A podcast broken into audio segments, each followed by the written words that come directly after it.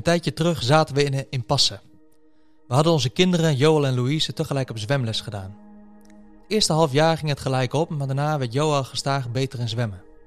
Het zwemmen werd netter, hij durfde meer en mocht na verloop van tijd zonder bandjes zwemmen. Maar Louise, haar naam betekent dappere krijgen, zij durfde steeds minder. Dat is eigenlijk niks voor haar. Zij durfde tot voor kort alles. Afgelopen najaar zag ik haar op haar rug zwemmen in het water. Joel was als eerste van de groep aan de overkant. De rest was al op het laatste stuk van het bad. Maar Louise?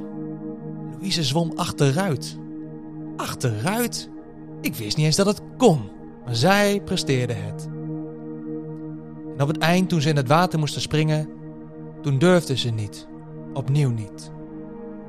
Toen zei de badmeester de legendarische woorden: Als je niet durft te springen, kun je net zo goed gaan douchen en omkleden. Wat Louise als een uitnodiging zag om zich snel van het probleem te ontdoen en ze draaide zich om naar de douches. Ik liep snel naar haar toe en zij keek me aan met een vrolijke blik. Ik vroeg: Waarom douche jij terwijl de rest nog springt? Ik mocht zelf kiezen, zei ze. Herken je dat?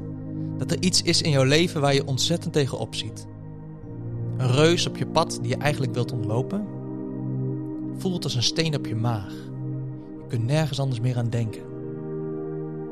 Doet me denken aan Mozes. Op 80-jarige leeftijd ontvangt hij bij de berg Horeb van God een duidelijke opdracht. Ga op weg. U zult mijn volk uitleiden. Wat? Ik kan me voorstellen dat Mozes even achterom keek. Hmm, als ik mag kiezen tussen mijn rustige leventje bij de schapen van mijn schoonvader Jethro of naar de machtige farao moeten iets te claimen waar hij totaal niet op zit te wachten, wat zou ik dan liever kiezen? Dus past Mozes voor de opdracht. Sorry heer, toch niet zo geschikt. Na een paar smoesjes zegt hij maar ronduit tegen God: Sorry, stuur maar iemand anders. Pas dan zegt God: Jouw broer, Aaron, komt jou tegemoet. Hij trekt Mozes over de streep. Hij springt in het diepe avontuur dat God voor hem heeft liggen. Louise kreeg een nieuwe fiets in het najaar. De fiets was nog wat te groot, maar ze wilde er dolgraag op fietsen. Zo'n stoere roze meisjesfiets. Papa, hoe kan ik hierop fietsen? Lieverd, zei ik, als je durft om te fietsen, dan kun je hierop fietsen. Je kunt gewoon zitten op het zadel met je voet op de trappers. Je kunt alleen niet bij de grond. Dat vind je spannend. En dat is ook spannend. als je durft, dan kun jij op deze fiets fietsen. Ze keek naar de fiets. Toen keek ze naar mij. Toen weer naar de fiets. Als jij me helpt, dan wil ik wel. En ik hielp haar. Ze fietste weg. Laat me los, papa! En weg was ze. Ze remde, sprong naar voren van haar zadel en landde keurig op haar voeten. Ik kan het! riep ze uit. Thuisgekomen was mijn kleine meisje trots. Iedereen moest het zien. Zij kon fietsen, omdat ze durfde. Lieverd, zei ik tegen haar, springen in het zwembad is precies hetzelfde als fietsen op een te grote fiets.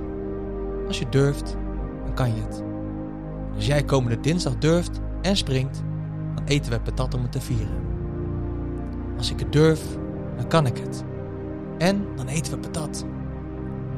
Joël, haar broer, had ook wel zin in patat en hielp het Louise te herhalen. Je durft het, Louise, je kan het. En zo sprong mijn dappere krijger voor het eerst het zwembad in.